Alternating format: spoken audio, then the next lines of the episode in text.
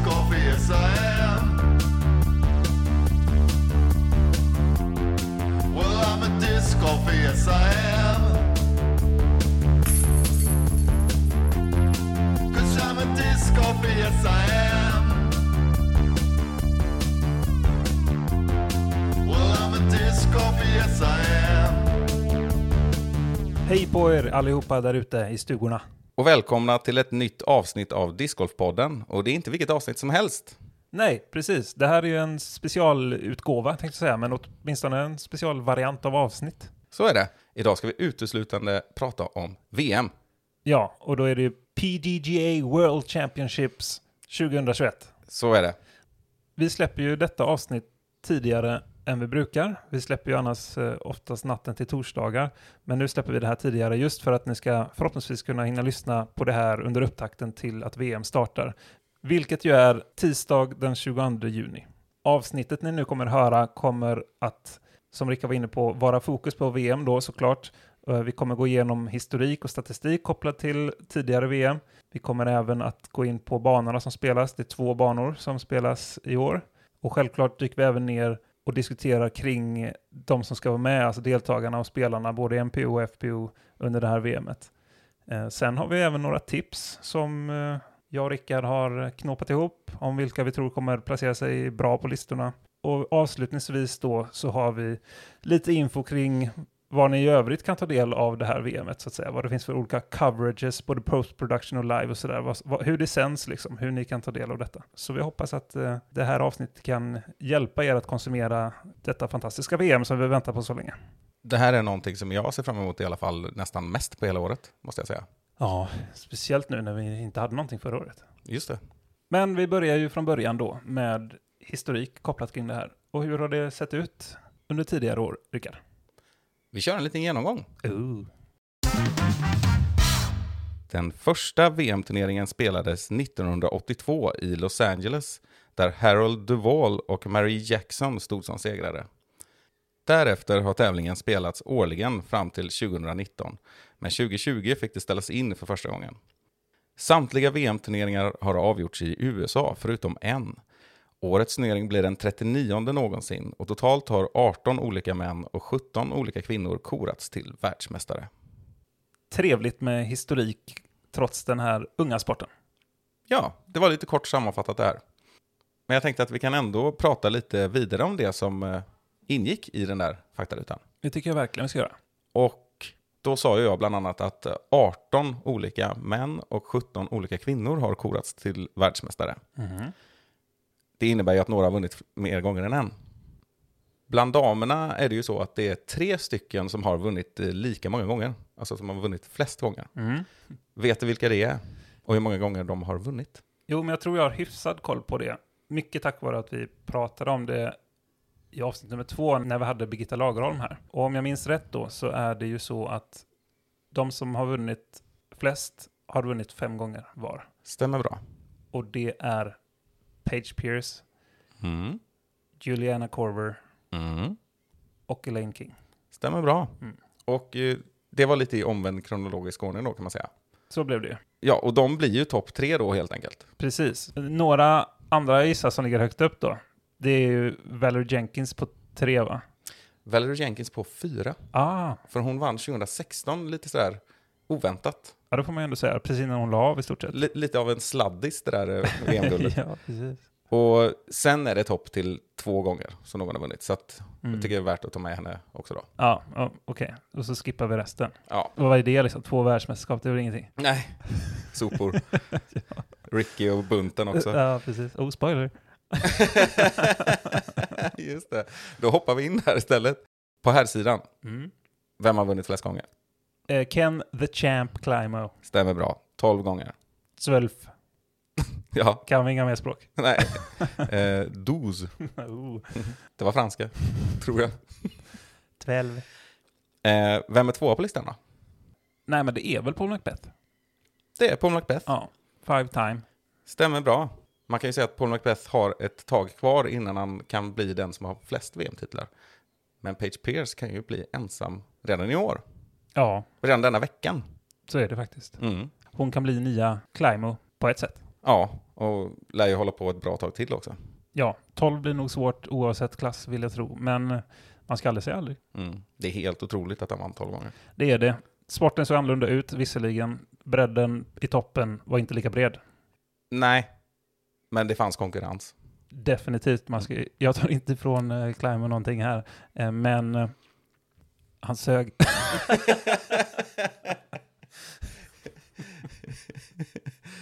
Ops, ej sant. Men det känns som att vi kan hoppa till vem som är trea på den listan då. Precis, och det måste väl ändå vara Nate Doss? Är du säker på det? Tydligen inte. Jo, det är Nate Doss. Yay! Ja. Hur många gånger vann han då? Tres. Ja, det stämmer bra. Mm. Och då är också Paul Macbeth regerande världsmästare, kan vi nämna. Det kan vi nämna. Och vi kan också nämna att Page Pierce är det. Ja, stämmer bra. Och Nate Doss vann senast 2011. Eh, Och varken han eller Valerie Jenkins spelar ju på nivån längre. nej, precis. Och de är dessutom gifta. Med varandra. ja, den lilla detaljen. Det är väl till och med så att eh, Valerie egentligen heter Valerie Doss numera. Men, I discgolfsammanhang gör de det inte. just det. För Jenkins är ju ett ganska gångbart namn i discgolfsammanhang. Det är ju så. Det är ju så. Valerie Jenkins har ju en bror som heter Avery. Som många också känner till. Världsmästare 2009. Det är många bra röda trådar där. Eller hur? Mm. Vi syr ihop det som ett lapptäcke. Så där har vi gräddan i discgolfhistorien kan man säga. Ja, verkligen. Och VM-titlar väger ju tungt. Sen nämnde jag ju att samtliga VM-turneringar har avgjorts i USA, förutom en. Kan du försöka räkna ut vart det kan ha varit som inte var i USA? Det har ju inte varit i Europa, vilket betyder att det måste vara i Kanada. Bra. Tackar, tackar. Toronto närmare bestämt, 1987. Ja, okej, det hade jag inte knäckt. Varken tidpunkt eller plats exakt. Nej, det var ganska svårt. Men eh, sen är det ganska lustigt också att det är ju typ 10 mil till gränsen därifrån, till USA. Så när det väl har varit utanför USA så var det i närområdet kan man säga. Krypavstånd. Ja. Men vi hoppas ju och tror att det faktiskt kan komma till just Europa ganska snart. Snacket säger att Finland kommer ansöka och har väldigt bra chans att få det. Nästan någon sorts förtidslöfte, kan man säga så? Det kan man nog säga. Och det är ju inte förvånande på ett sätt. I alla fall inte att de ansöker. Sen är det ju fortfarande så att de amerikanska administratörerna och discgolfmagnaterna är något navelskådande, eller åtminstone har varit det de senaste decennierna, vilket är jäkligt tråkigt. Ja, men det verkar ju som att det går åt rätt håll och att den europeiska discgolfen vinner mark på, på diverse plan så att säga. Och det här hade ju verkligen varit på tiden och skulle ju vara stort för sporten på många sätt och inte minst för europeisk discgolf. Det är ju tyvärr så att det är så extremt överrepresenterat av nordamerikaner på de här typen av event av förklarliga geografiska skäl. Det hade blivit en helt annan sak om det hade varit i Europa. definitivt. Och chanserna ökar ju faktiskt att få in ganska många toppspelare, eller många europeer i toppen. Ja, exakt så. Tittar man historiskt så kan det säkert ha varit liksom 18 amerikaner på topp 20 ett vanligt år. Och det tror jag inte räcker de flesta år. Nej. Det är ju också så att om det är tre finnar som åker så kanske inte de presterar just då. Men är det i Europa så finns det fler att ta av och sen är det någon annan som knycker Precis, precis så. Det, det är liksom, Europa har inte haft en Macbeth eller en Ken Climo eller en Wysocki egentligen heller. Men däremot så har ju vi haft en Greg Barsby och en Page Bjerkos. Många, många andra av de här duktiga men inte toppspelarna Mm. som kan vinna ett VM för de är tillräckligt bra om de har den veckan, så att säga då. Och där ska vi nog slå ett extra slag för, på damsidan. För där tror jag verkligen att vi har guldkandidater i Europa. Det har vi definitivt.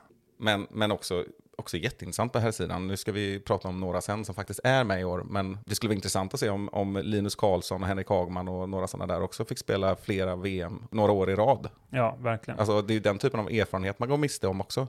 När man inte har möjlighet att eh, åka och tora i USA hela året. året liksom. Nu går vi händelserna lite i förväg här, men vi återkommer till det och eh, hoppar tillbaka lite i historiken. Ja, och då tänkte jag kolla på prispengarna. Där har det hänt mycket. De två första åren, alltså 82 och 83, så var det inga prispengar. Men 1984 så var det så att Open-vinnaren fick 1000 dollar och damvinnaren fick 500 dollar. Och de hette Ramona Hale och Sam Ferrens. 2019, som alltså var senaste VMet, då har det tiodubblats. Paul Macbeth fick 10 000 dollar och Page Pierce fick 5 000 dollar. Två saker här då. Dels är det väl intressant att det har tiodubblats och att det har följts proportionerligt, men också kanske att man kan ifrågasätta varför det är halva prissumman för damerna. Ja, det där är en konstant diskussion. En, en del i, i mig säger ju att det är en självklarhet att det ska vara lika på det här. Men sam, samtidigt så är det ju trots allt så att det är, är ju en markant skillnad i antalet deltagare exempelvis. Ja, ser man genom åren så har snittdeltagandet varit 155 spelare i Open och 26 i FPO då. Just det, ja det, det, det är ju ganska stor skillnad, så är det ju. Samtidigt har ju DGPT, alltså proffstouren i USA, infört lika prissummor för damer och herrar. Och det går ju uppenbarligen att göra så. Ja, och det är jättebra också tycker jag verkligen. Sen, ja, sen är det ju en svår diskussion. Det, det, det finns ju två sidor av det så kallade myntet och så vidare. Och vi, vi, vi kan väl inte riktigt här sitta och säga vad som är rätt eller fel. Det är ju inte upp till oss kanske. Nej, vi gör inte det idag i alla fall. Nej. Banor, Det ska vi prata om nu. det ska vi göra. Två stycken specifika. Precis. Det var plural, men inte så mycket mer än så. Det, det är nämligen två banor som spelas i detta världsmästerskapet. För de som har lyssnat på Birgitta Lagerholm så vet ni att historiskt sett har det kunnat vara upp mot fem banor, men den här gången är det två. Båda ligger i eller i anslutning till Ogden i Utah i USA då, självklart. Som ligger strax utanför den lite mer kända staden Salt Lake City. Mm. OS-stad. Känd från discgolfpodden. Just det. Myleg har gjort staden odödlig. Precis. Slakten i Soldier Hollow. Och han gjorde Per Elofsson dödlig. Ja, så sjukt var det. Men det som är speciellt med den här staden är väl att den ligger högt upp. Vilket inte bara har en påverkan på skidåkare, som säkert många vet, utan även på discgolfare faktiskt. Eh, I flera olika perspektiv. Det ena är ju att det blir mer ansträngande och gå runt och spela många rundor under en veckas tid. Speciellt när det är varmt som det är där nu. Eh, men även att diskarna flyger annorlunda. Det blir tunnare luft, vilket gör att diskarna blir något mer överstabila generellt sett. Och det är någonting som är intressant och för den som har kollat på någon typ av pre-round eller practice round eh, på YouTube eller sådär så kan man se vissa kommentarer eller höra vissa kommentarer om det här. Där de säger att jag vågar inte göra det typen av kastet för jag får inte den turn jag, har, jag behöver och så vidare. Och så vidare. Mm. Så det kommer vara en faktor, vilket man kanske inte tänker på som, som bisittare alltid. Och det här låg på 1500 meters höjd någonting va? Något i den stilen stämmer nog. Även om det är omgivet av höga berg så är det också i närheten av den stora sjön Salt Lake. Så det kan ändå vara en vindfaktor också eh, på den här platsen. Mm. Framför allt på den banan som kallas för Mulligans. För vi kan faktiskt börja där. Det är nämligen där själva världsmästerskapet börjar. Och den här banan Mulligans är ju då, som vi börjar bli lite bekanta med nu, alltså på en bollgolfbana. Mm. På gott och ont. Precis. Vi pratade lite om det här innan vi började spela in här, med att vi båda tycker att det är en okej bana för att vara på en bollgolfbana. Åtminstone så skiljer den sig en del från eh, de banorna som har varit på slutet här nu med Portland, OTB och Goat Hill. På så sätt att det är en del 130 meters par treor och en del korta hål också faktiskt, under 100 meter.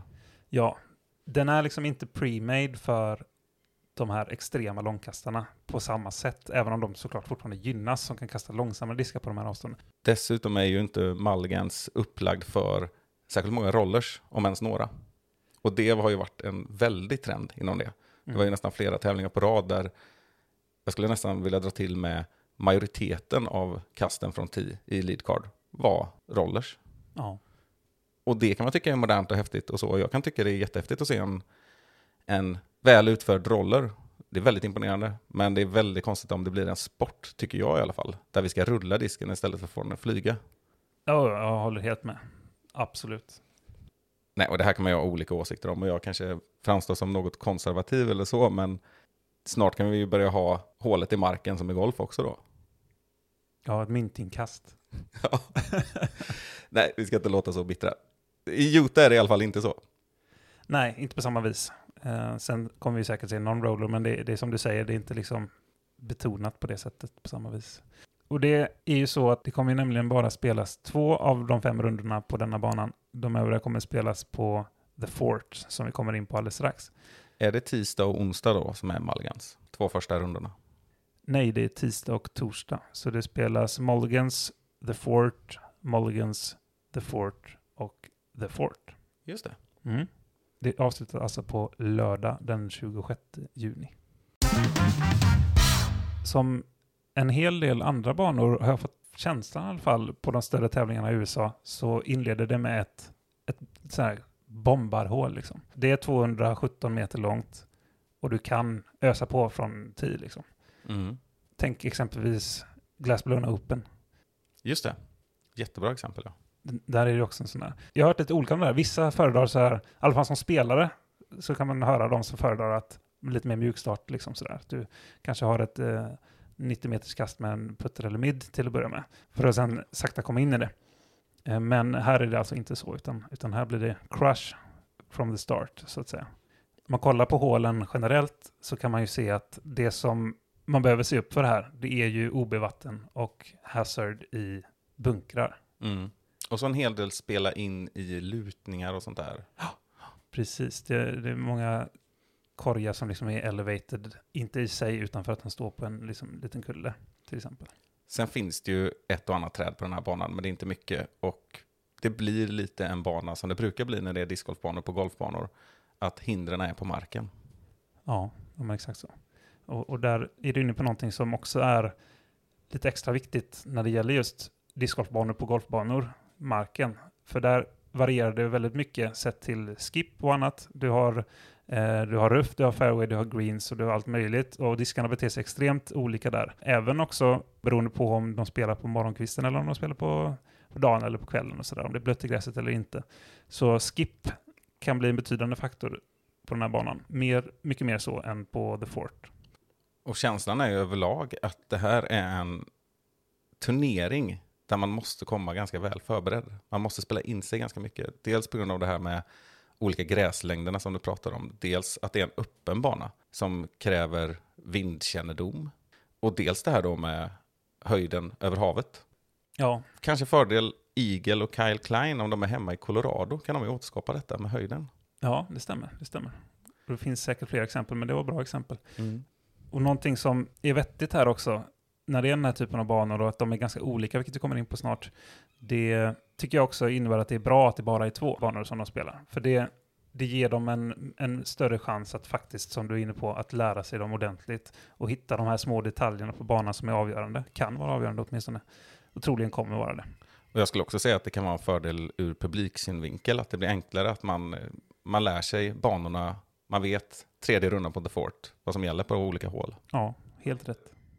De är inte helt färska. Nej, men precis. Man kan sitta och se fram emot sina favorithål och liksom ana vad som ska komma ska, men ändå så här sitta och hoppas eller fundera eller sådär kring, kring små detaljer. Sånt är ju roligt, tycker vi som är vana att konsumera sport i alla fall. Ja, och då kan man ju hoppas att man- tycker om banorna också. Ja, precis. Och sen ska jag vara ärlig och säga att jag är inget jättefan av någon av banorna, men eh, det är ingen som jag direkt ogillar heller. Så. Men, Nej. men eh, jag hade hellre sett VM någon annanstans om jag ska vara ärlig. Nej, men jag, jag är beredd att hålla med och jag skulle säga att eh, Mulligans är ju fin och trevlig, som du säger, men helt utbytbar.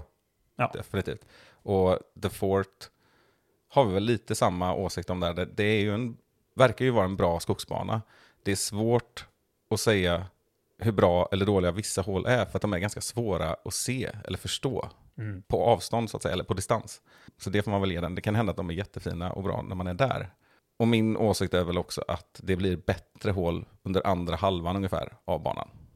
Ja, absolut. Och där, vi kan gå in på Fort nu när, när du är där och nosar så att säga. Så vi, vi hoppar över och, och bryter ner den banan lite grann. För det, det är ju en helomvändning sett till typ av bana på, på alla sätt i, i, egentligen. Både liksom terrängen, eh, det här är en renodlad skogsbana i ordets rätta bemärkelse, väldigt tajta linjer, mycket träd överallt. Och det är ju även, sett till liksom upplägget från start till mål, är också ganska annorlunda. Att här börjar vi ju i ganska korta hål exempelvis.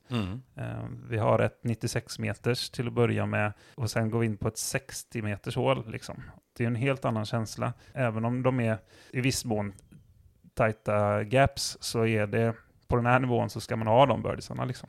Och annars måste man kompensera utebliven birdie där med någon mycket svår, mer svårfångad. Ja, men, Birdie. ja, men precis så, precis så. Även om de som är i toppen kommer nog ta både och i många fall så att säga. Hål 4 är för mig ett sånt hål som jag tycker är lite konstigt. Hemma i soffan, ska sägas. Mm. Det är ett par fyra hål som säkert är jättefint när man står där på 10. Men jag kan inte förstå det utifrån de drönarfilmer jag har sett. Och så här. Jag får ingen känsla för när någon släpper disken att det där är ett fantastiskt kast. Nej, Jag kommer inte förstå det även när VM är över tror jag. Och det finns några sådana. precis. Är det på hål 4 som de har en sån här target, det ser ut som en sån här darttavla som de ska sikta på från 10?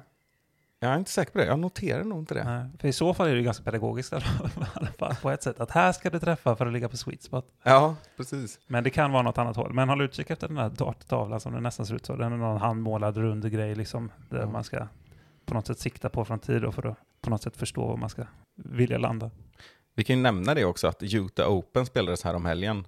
Så det, och det spelades ju på de här två banorna. Så har man tid att titta inför och vill bekanta sig med banorna så finns det ju alltså på YouTube färskt material. Ja, då har ni inte många minuter på er. Nej, men om man vill titta inför runda två kanske. Ja, men absolut. Ja. Och de här practice roundsen och sånt vi nämnde tidigare eh, är ju jättebra att eh, kika på som ytterligare warm-up eller ytterligare förberedelse inför tittandet här på Worlds. Men eh, någonting som jag har reagerat på när jag har, har studerat The Fort-banan då, och nu ska vi återigen, vi får ju säga det här att vi har inte varit på plats och de här upplevs ju såklart annorlunda när man är där och spelar, men utifrån vårt perspektiv då självklart, så tycker jag att det finns, det finns ju några hål som, det är för mig lite Dera Vega-vibbar. Mm. Det är i, i min bok inget positivt, för jag tycker De La Vega är, den lever på sin historik. För er som inte känner till det så är det ju en av de mest mytomspunna banorna kanske man kan säga Ja, eh, omtalade, historiskt etablerade banorna i USA. Men det är nog det den lever på. För att objektivt sett, jag vågar säga det, är det ingen bra bana. nej. Alltså den är väl förlegad förmodligen också. Ja. Della förlegad kan vi kalla den för. Mm, just det. Eller något sånt. Nej, men så är det verkligen. Även om många proffs pratar gott om den så är det nog för att det är deras blod på något vis. Och det gäller väl också oss på det sättet kanske. Att den är ju en självklarhet om man skulle vara i närheten att man skulle vilja spela den. Den är ju på någon sorts wish, Ja. wishlista. Jo, Liksom. absolut. Och jag tror också att det är någon slags européerna ver- versus amerikanerna där. Om man hade gjort någon typ av studie där man hade kollat på det här så hade nog fler europeer varit emot De La Vega än amerikaner tror jag. Ja, det finns ju trots allt olika discgolfkulturer. Ja, så är det. Och vad jag menar då med att en bana är lite som De La Vega är att det finns några hål som är lite hope and pray-hål. Alltså att du, du blundar och kastar och ja, du kanske går igenom de här buskarna, kanske går igenom det här, men det finns liksom ingen fair fairway. Och det är ju inte bra tycker jag. Det innebär ju någon typ av slumpfaktor som inte ska finnas på ett världsmästerskap. Precis. Eller annars heller för den delen. Och ganska mycket extrema hål kan vi tillägga också. 70 meter hållängd på 20 meters uppförskast. Liksom. Ja, till exempel. Och där hade ju du ett eh, bra exempel på, eller vi båda pratade om ett bra exempel på just The Fort, hål 6. Ja, som det ser ut hemifrån i alla fall, eller när man sitter och tittar, så är det ju ett hål som man ska kasta en bit och välja en linje och så plötsligt ska det dyka in i något sorts fängelse. Ja, precis. Och då ser man liksom om man vinner pinball-matchen eller inte i stort sett. Ja, Hashtag dåligt. hashtag instämmer. Hashtag, vi kommer aldrig mer använda det här uttrycket i podden efter detta. Vi lovar. Eller... Sen ska vi tillägga att det på några av hålen så finns det dam-10 och på några gör det inte det. Det är i alla fall det jag utläser utifrån caddyboken här som jag faktiskt tjuvläser lite i. Och den kan vi slå ett slag för. Om man vill nörda ner sig lite och sitta. Det är jättekul att sitta med caddybooks och sånt. Ja, det är det faktiskt. Det är, det är verkligen eh, ett tips för att förhöja upplevelsen. Man, man kan liksom läsa på om diverse hål och ha hålkorten framför sig och sådär. Så det, det finns ju på världsmästerskapets officiella hemsida som eh, i det här fallet heter utahworlds2020.com. För detta var ju faktiskt tänkt att spelas 2020, Mm. men det gjorde det inte. Varför vet ni? Och i år skulle det spelas i Emporia. Kansas baby.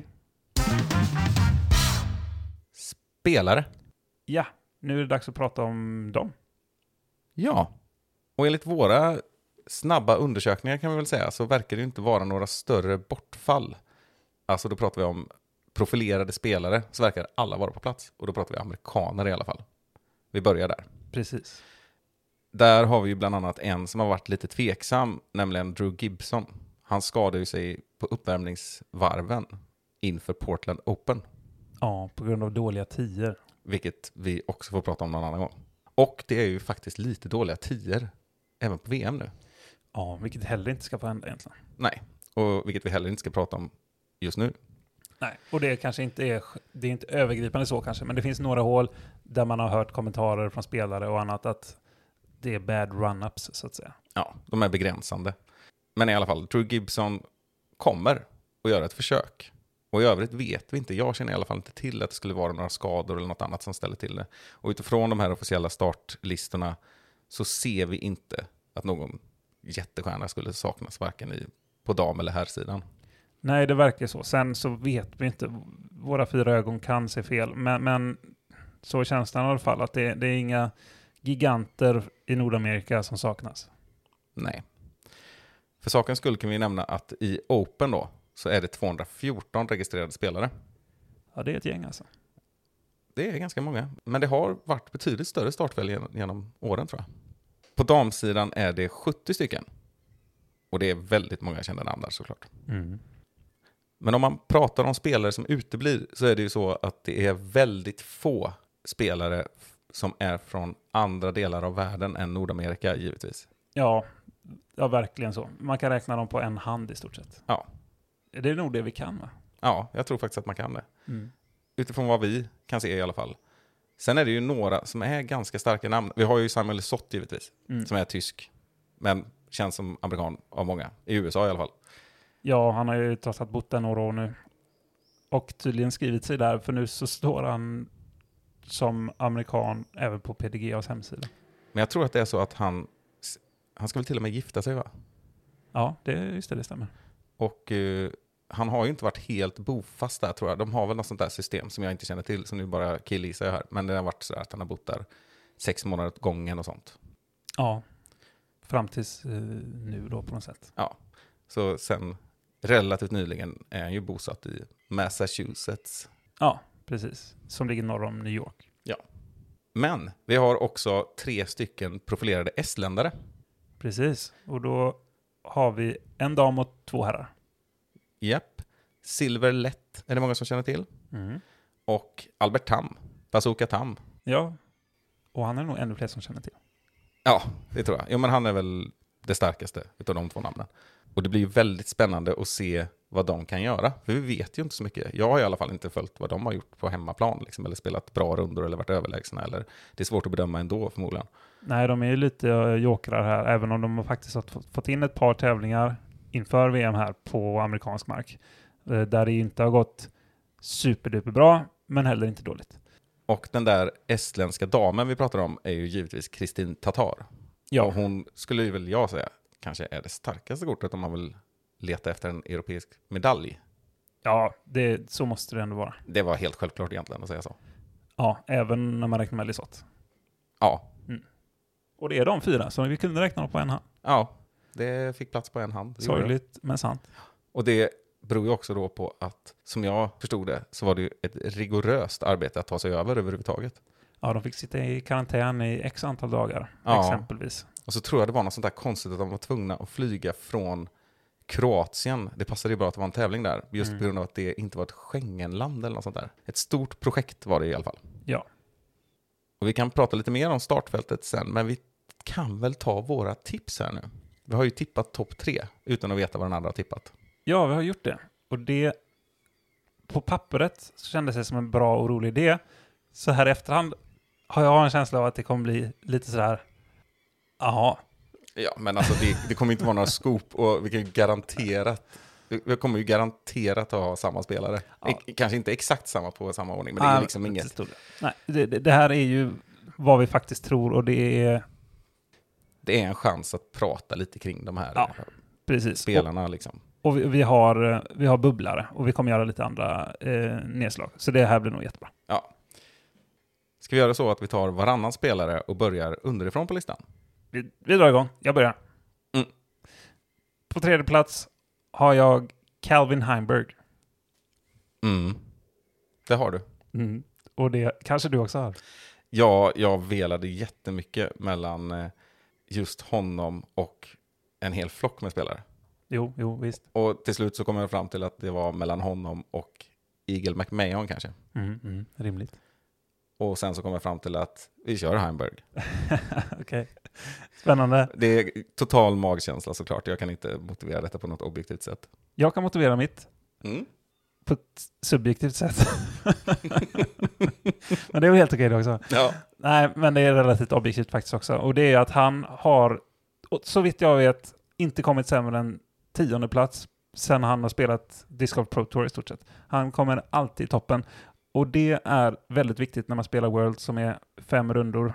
Eh, att inte ha en dålig runda. Det är nästan viktigare än att ha en superbra runda. Mm. Att inte ha en dålig runda. Och det har Calvin Heimberg extremt sällan.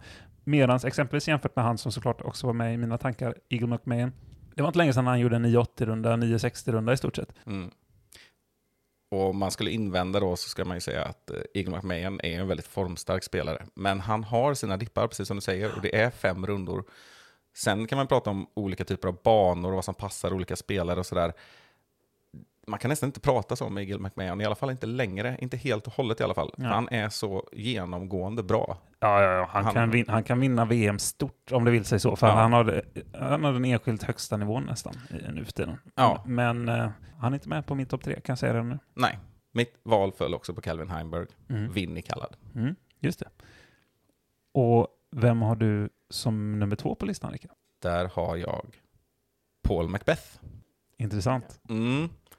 Alla vet vem Paul Macbeth är. Av en anledning. Ja, Han är så fruktansvärt bra. Och han har fem VM-titlar. Och han kan spela på alla banor. Man tänker ju kanske sådär, att det har gått lite halvdant för honom i år och sådär. Men han är nog också, om man börjar studera lite, så tror jag att han är sådär också. Han har legat väldigt högt på väldigt många tävlingar. Han har missat lead card och så från chase card har han kommit tvåa. ja alltså det är ju så här, när han spelar dåligt så spelar han bra. Ja, verkligen. Det är Alltså, det som är så lustigt. Människan kan ju allt. Han är bra på allt. Eh, och räknar aldrig bort honom.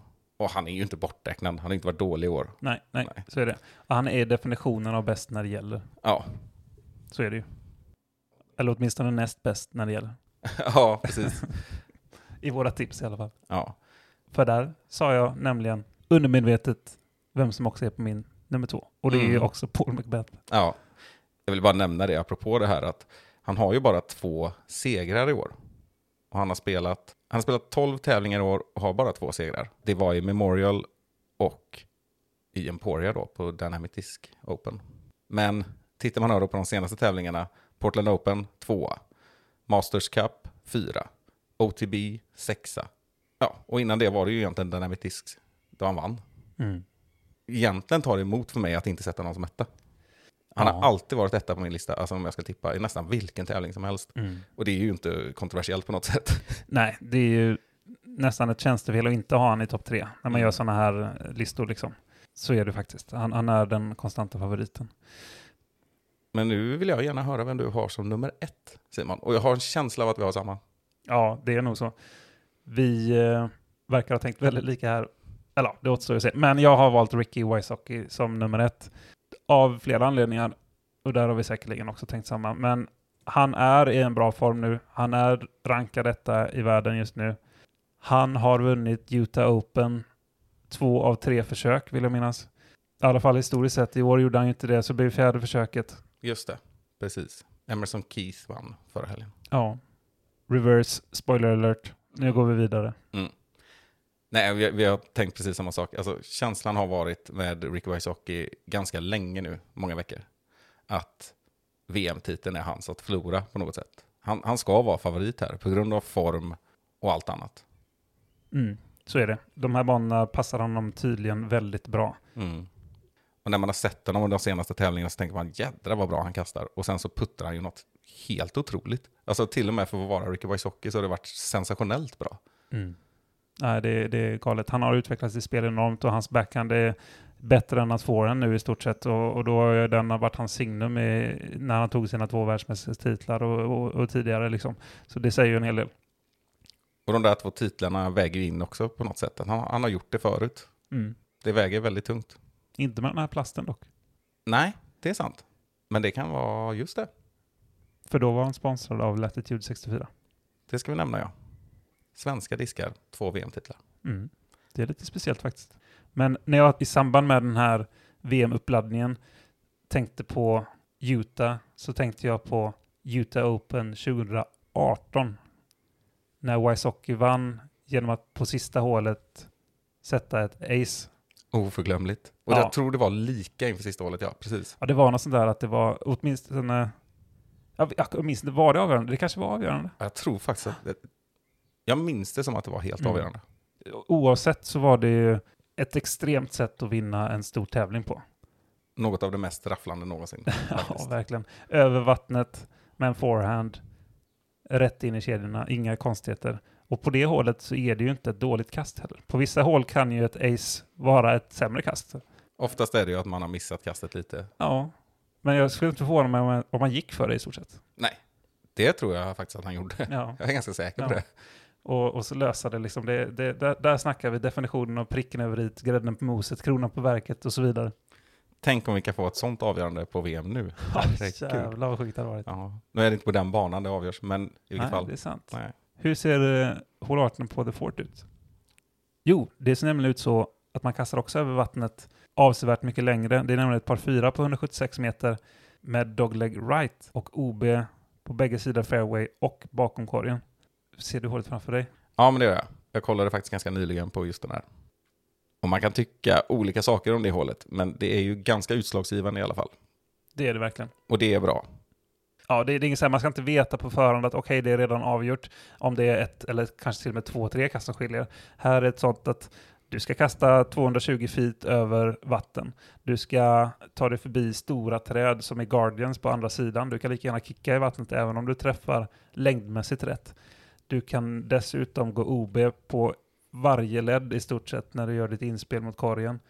Så det kan hända saker på sista hålet. Jag leder du inte med fyra eller fem kast åtminstone, så är du inte världsmästare förrän du har spelat klart. Nej, så är det. Så är det. Men då tycker jag vi hoppar över till damerna. Och då börjar jag med att ta min tredje plats där då. Det låter bra. På tredje plats har jag satt Kristin Tatar. Mhm. Jag kände att hon måste vara med där. För jag tror på henne. Det är ju väldigt svårt att veta givetvis. Men så stark som hon var innan pandemin tog över. Så tycker jag verkligen att hon förtjänar där. Hon kunde hamnat ett snäpp högre också Mm. i min värld. Mm. Intressant.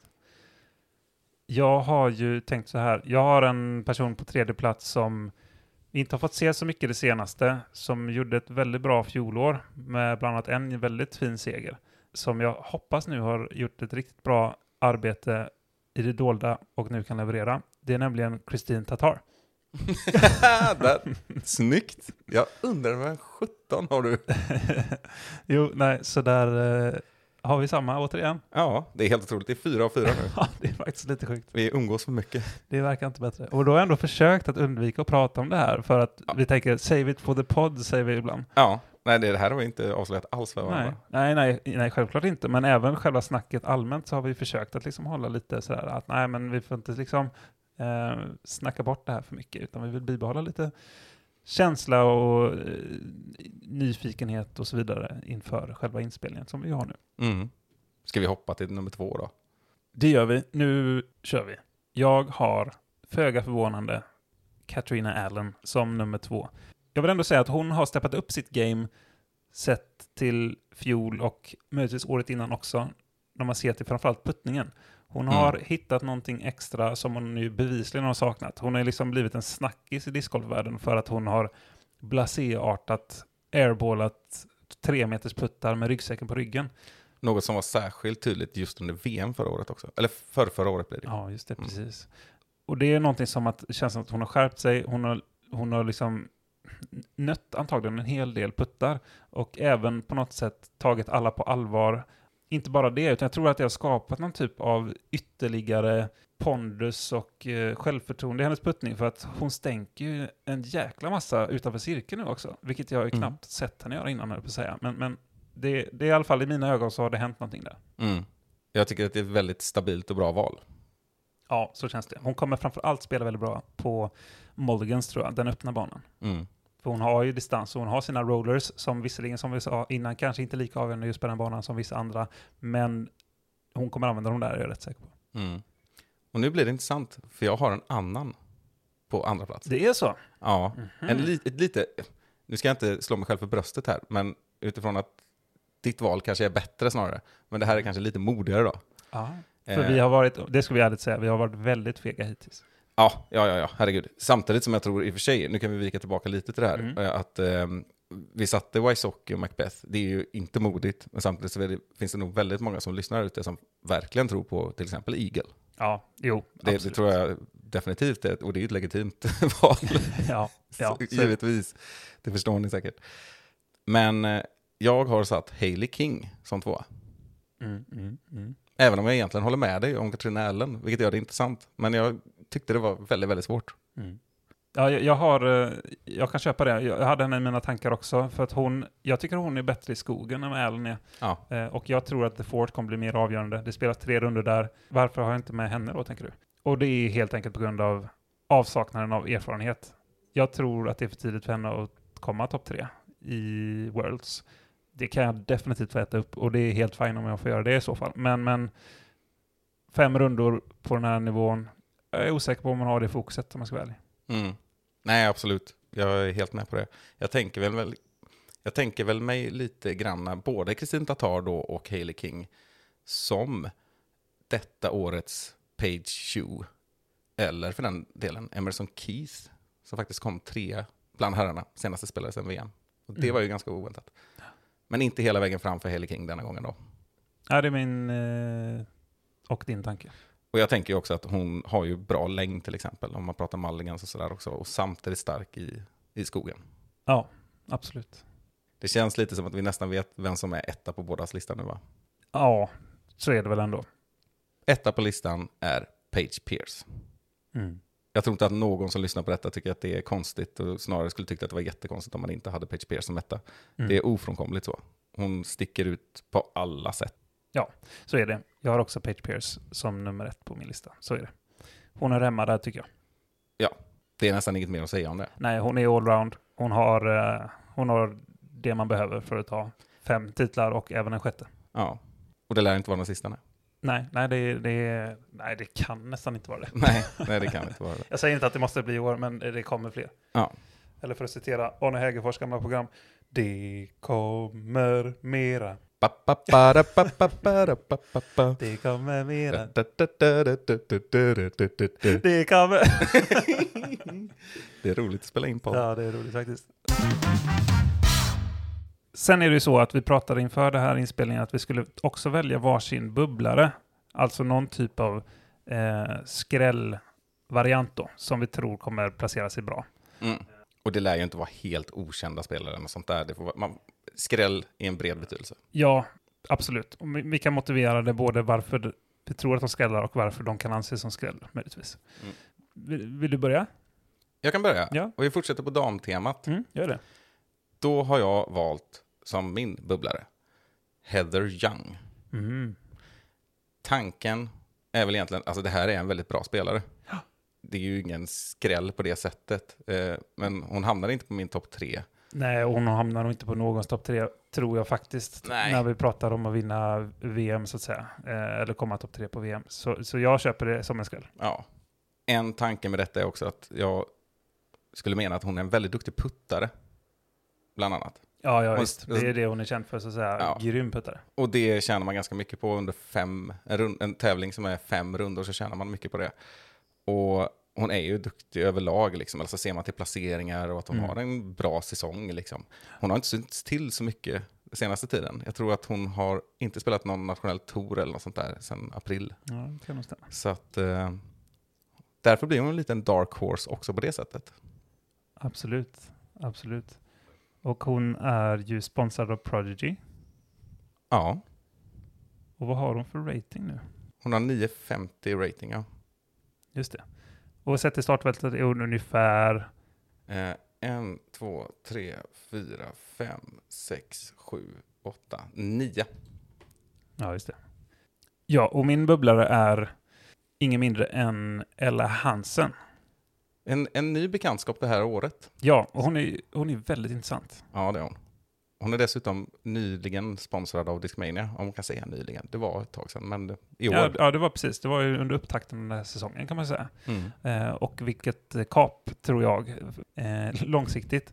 Och äh, även nu. Mm. Eh, hon, eh, hon har ju ingen hög rating. Hon är 919 gick hon upp till nu. Hon var ju bara precis över 900 innan i rating. Men hon har inte rankat mer än 32 något, någonstans där i startfältet.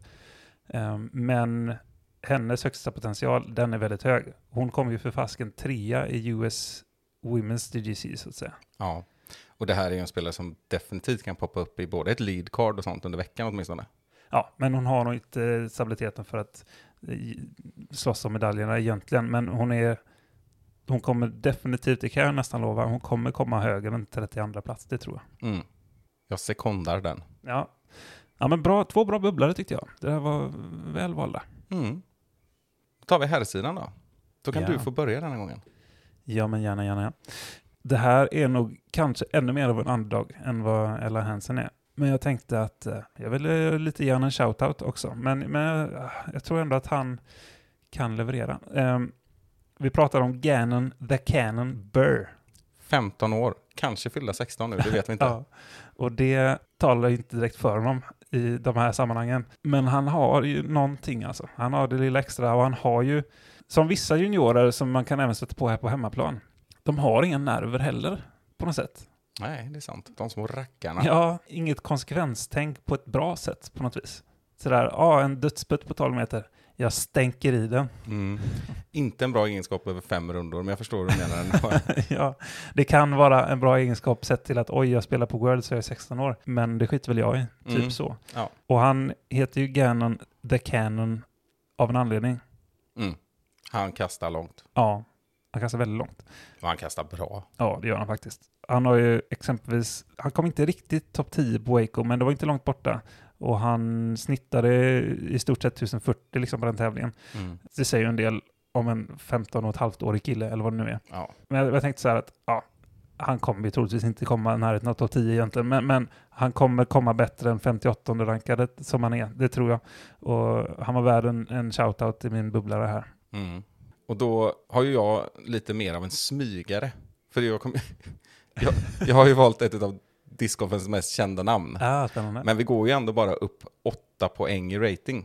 Mm, mm. Eh, jag tänkte dra till med Jeremy Colling. Mm. Ja, men det är en bubblare. Jag tänker, han, eh, alltså han spelar ju jämnbra. Och han har erfarenhet. Han har stora vinster i bagaget.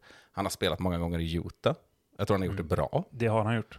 Och man ska inte glömma bort honom. Nej. För vi hade ju kunnat sitta här och rabbla de som vi inte har på topp tre. Och det är ju jättemånga som är fantastiska spelare. Som inte är Heimberg och Eagle som vi har nämnt. Och Macbeth och Wysocki.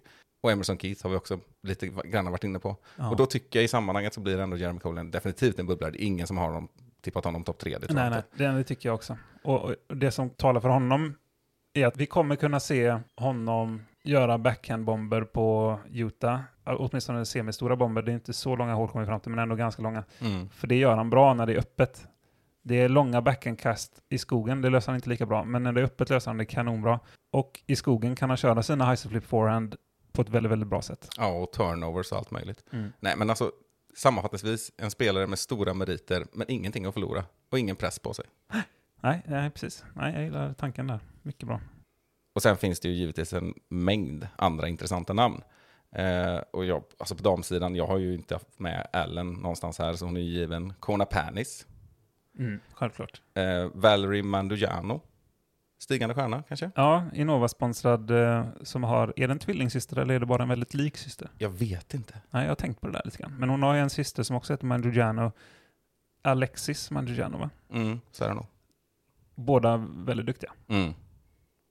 Och på här sidan så skulle man ju också kunna nämna en formstark Adam Hammes. Och storspelare såklart, James Conrad, sånt. Ja. Kanske hittar rätt med sina diskar. Det har han väl gjort. Ja. Ja. Jo, men eh, Hammonds och Conrad eh, hade, hade stått på min lista också, absolut. Kyle Klein, spelat många lead cards i år också. Mm. Nej, men jag, jag håller med dig. Eh, jag håller med dig. På damsidan hade jag kanske kunnat klämma in forehand-specialisterna Sarah Hokum och Jessica Weiss. De känns stabila över så här många rundor och värda att nämna. Så de, de, de kan bli farliga. De kan bli farliga. Och jag kom på en till också som är väl värd att nämna. Ja. Alltså det är ju inte heller någon skräll så här, men alltså Kayley Viska Han kan väl passa för lite olika typer av banor och sådär, om- lite spontant. Ja, han är ju väldigt konsekvent liksom. Ja, och jag menar han har inte spelat så mycket alls. Det är därför vi inte har sett till honom. Han, han gled väl in och kom tvåa i Waco eller något sånt där. Och sen har vi inte sett honom. Mm. På tal om konsekvent så har vi ju Robot Chicken, Limestone Laser, Chris D. Dickerson. Åh, herregud ja. Alltså hade det sett lite annorlunda ut än kanske två tävlingar år så hade han varit på våra topp tre båda två. Ja. Alltså det är helt jättekonstigt. Han vann, och lyssna nu Christian Bengtsson, USDGC 2020. Just det. Ja, det var ju en, en definitivt en topp top tre-spelare i världen förra året, Ja, ja, verkligen. totalt sett. Jag ångrar nästan att jag inte tar med honom i listan nu. när Ja, jag ja. pratar om honom. Jävlar vad bra han är. Ja, absolut. Han hade varit rolig. Han hade kunnat sätta som tre åtminstone på Ja. min lista. Ja, men faktiskt. Men eh, nej, så honom ska vi inte glömma bort. Och sen när vi pratar Worlds, det finns ju några sådana här som man inte ser på så jättemånga tävlingar, men så fort det är Worlds så är de där. Och där har jag åtminstone två namn. Två och ett halvt namn kan vi säga. Så vi tar bara förnamnet på den ena. Greg. det var faktiskt inte han jag tänkte på. Jag tänkte på eh, Mario, eller Matthew Orum, Ja, eh, våran sydstatare som, eh, som ser ut som någon typ av gängmedlem i Los Angeles eller någonting i, i hans stil. Men han är skön, han är lite hiphopper liksom. Eh, ser ut som han är 12 och ett halvt men har ju spelat eh, i 30 år eller något. Ja, och honom på The Fort alltså. Herregud. Mm. Det passar ju honom fantastiskt bra. Det tror jag också. Ja, Och vet du vad han saknar i sin meritlista? en VM-titel. Ja, för han har kommit två, han har kommit tre, han har kommit fyra och jag tror också han har kommit femma. Det är ju helt otroligt. Det är rätt otroligt med tanke på att han är så pass låg profil i övrigt. Ja. Han håller så mycket på hemmaplan tror jag och tävlar runt Alabama. Eller, är det Alabama eller Georgia han är från? Spelar ingen roll. Någonstans där. Eh, Så han är en sån här Worlds-snubbe på något sätt. Och detsamma gäller ju faktiskt Josh Anton, som Mm. ju inte är med i så mycket snack någonstans. Men han har väl kommit tvåa typ fem gånger. Jag kan överdriva nu, men det är många gånger i alla fall han har kommit tvåa. Eh, Sen har han ju det bästa bakom sig. Men det sa vi John Greg Barsby också innan han gick och vann. Ja. Och vi har inte nämnt Nate 16, som kan vara hur stabil som helst. Garrett Gerthy, kanske mest på Mulligans. Ja, ja, verkligen. Så där, där, nu har vi betat om många namn, men det är ju också många det gäller liksom. Ja, det är häftigt. Mm. Det kan hända nästan vad som helst, inte vad som helst. Vi kan nog lita på att våra topp tre-spelare kommer ligga väldigt högt. Vi kan nog vänta oss att Brandon Gregerson på 920 rating från Salt Lake City, en local, inte kommer vinna. Nej, tyvärr. Även om han är med. Och vi håller lite på honom. Ja, precis. Ja, jo, det är klart. Det var inte tyvärr så. Nej. Ja, jo, det var ju tyvärr så då. Ja, nej, precis, exakt. Men nej, heja Brandon. Vi vet ingenting om honom. Det finns dock ett välkänt namn som vi inte hittar. Och det är svensk aktuelle Philo Brathwaite, som ju kommer hit till Värmland nu snart. Han kanske redan är där och tränar på banan. Ja, men det är därför han inte är på VM såklart. Ja, han är i Filipstad. Vem hade inte prioriterat den metropolen? Han gör som Johan Olsson inför mästerskap och sådär, isolerar sig i en stuga i Värmland en månad. Och, Jag ska inte bli sjuk. Ha det gott. precis. Hej då familjen. ja. Och nu är det säkert många som inte är lika pålästa som dig Simon när det gäller vart kan man se VM? Äsch, Rickard. Jag är inte så påläst. Jo, det är jag. Jag vet allt när det kommer till PDGA Pro Worlds Coverage 2021. Och vi kan börja med att säga att det här sänds live. Ja. Och ni ska titta live. ja, vi rekommenderar i alla fall det. Sen så tar det ju sin lilla tid, men man kan ju... Det är en sån här ha på i bakgrunden grej och tagga till när det väl gäller. Eh, Mm. Man måste ju inte sitta klistrad även om det är lätt hänt. Sen är det ganska sent på kvällen, räknar vi med. Vi befinner ju oss ganska långt västerut i alla fall i USA och då brukar det kunna bli ganska sen start svensk tid. Ja, det är något visst med livesändning. Historiskt sett eh, till discgolf livesändningar så har det ju varit sisådär och jag kan förstå om många har dåliga erfarenheter av det. Mm. Det är dålig täckning och det har varit osmidigt på, på, på många sätt och sådär. Men nu har det blivit väldigt mycket bättre. Generellt har det varit någon dipp sådär, men, men generellt sett har det blivit väldigt mycket bättre. Och det finns på något sätt inget ont om Jomes eller andra sådana här post-production-kanaler. Men det ges utrymme för djupare analyser och spännande snack och mera intervjuer och annat under livesändningar. Eh, I och med att det är en del tid mellan att de går mellan hålen och, och mellan kasten och sådär. Och vi har pratat om det många gånger, du och jag, att eh, när man väl börjar titta på live och sen ska man titta på då till exempel Jomes, och återigen, inget ont om det, men formatet blir nästan konstigt. Det känns genomhastat liksom. Ja, men man kan nästan höra det på kommentatorernas röster, typ Jeremy Colling eller Nate Sexton sådär ibland, att de, de vill börja prata om något intressant kast som just gjordes eller någon, något intressant hål eller sådär, men de måste kapa det för att helt plötsligt gjorde Chris Dickerson en parkering på hål 3. Mm. Och det kan man inte bara förbise då som kommentator. Liksom. Så de, måste prata om det som hände precis där och då.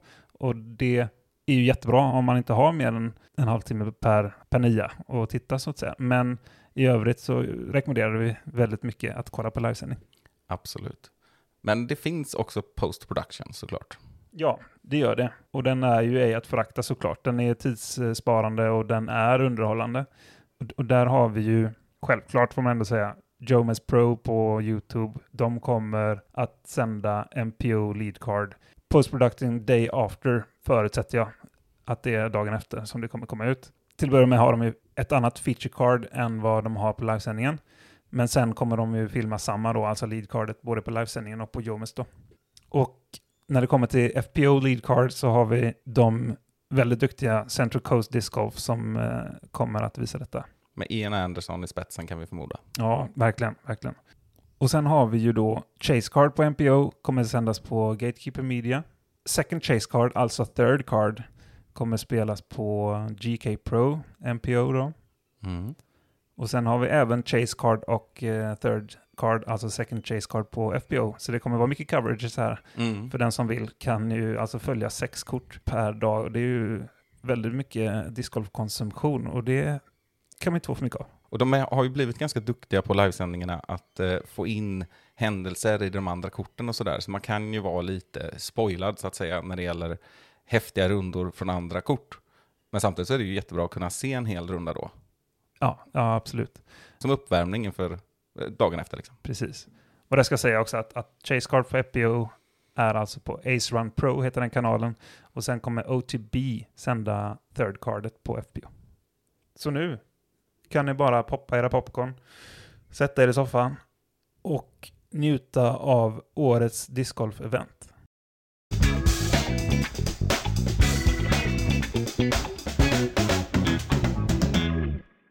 Men det var väldigt kul att testa att göra ett sånt här specialavsnitt som det ändå blev. Ja, verkligen. Och ni får gärna kommentera om ni tycker att det här var givande på något sätt för er som lyssnar. Att, att ni tycker att ja, kanon, det här är liksom bra sätt att ladda upp inför en sån här typ av event. Det är inget som vi kommer göra inför ett Silver Series-event eller liksom små saker. Men det är något som vi kan säkert översätta till något annat. Det behöver kanske inte vara stora tävlingar. Men själva konceptet att ha ett avsnitt som 100% handlar om en specifik händelse eller en specifik eh, sak eller sådär. Mm. Eh, då får ni jättegärna säga vad ni tycker om det. Ja, och tipsa gärna om den typen av ämnen eller teman som kan vara grund för ett specialavsnitt. Och då kan ni bland annat höra av er till discgolfpodden at gmail.com. Absolut. Men då tackar vi för oss den här gången, Simon. Det gör vi. Så får vi följa våra discgolfkämpar ute i Ogden, Utah. Mm. Heja VM! Heja VM, heja sport, heja discgolf, heja då. Ha det bra! Hej! Will see me driving after tea. Weather's looking good. I got a disc bag full of tricks. Yeah, I got them spinning. I'm listening to music you can't hear. I got my magic plastic in the air.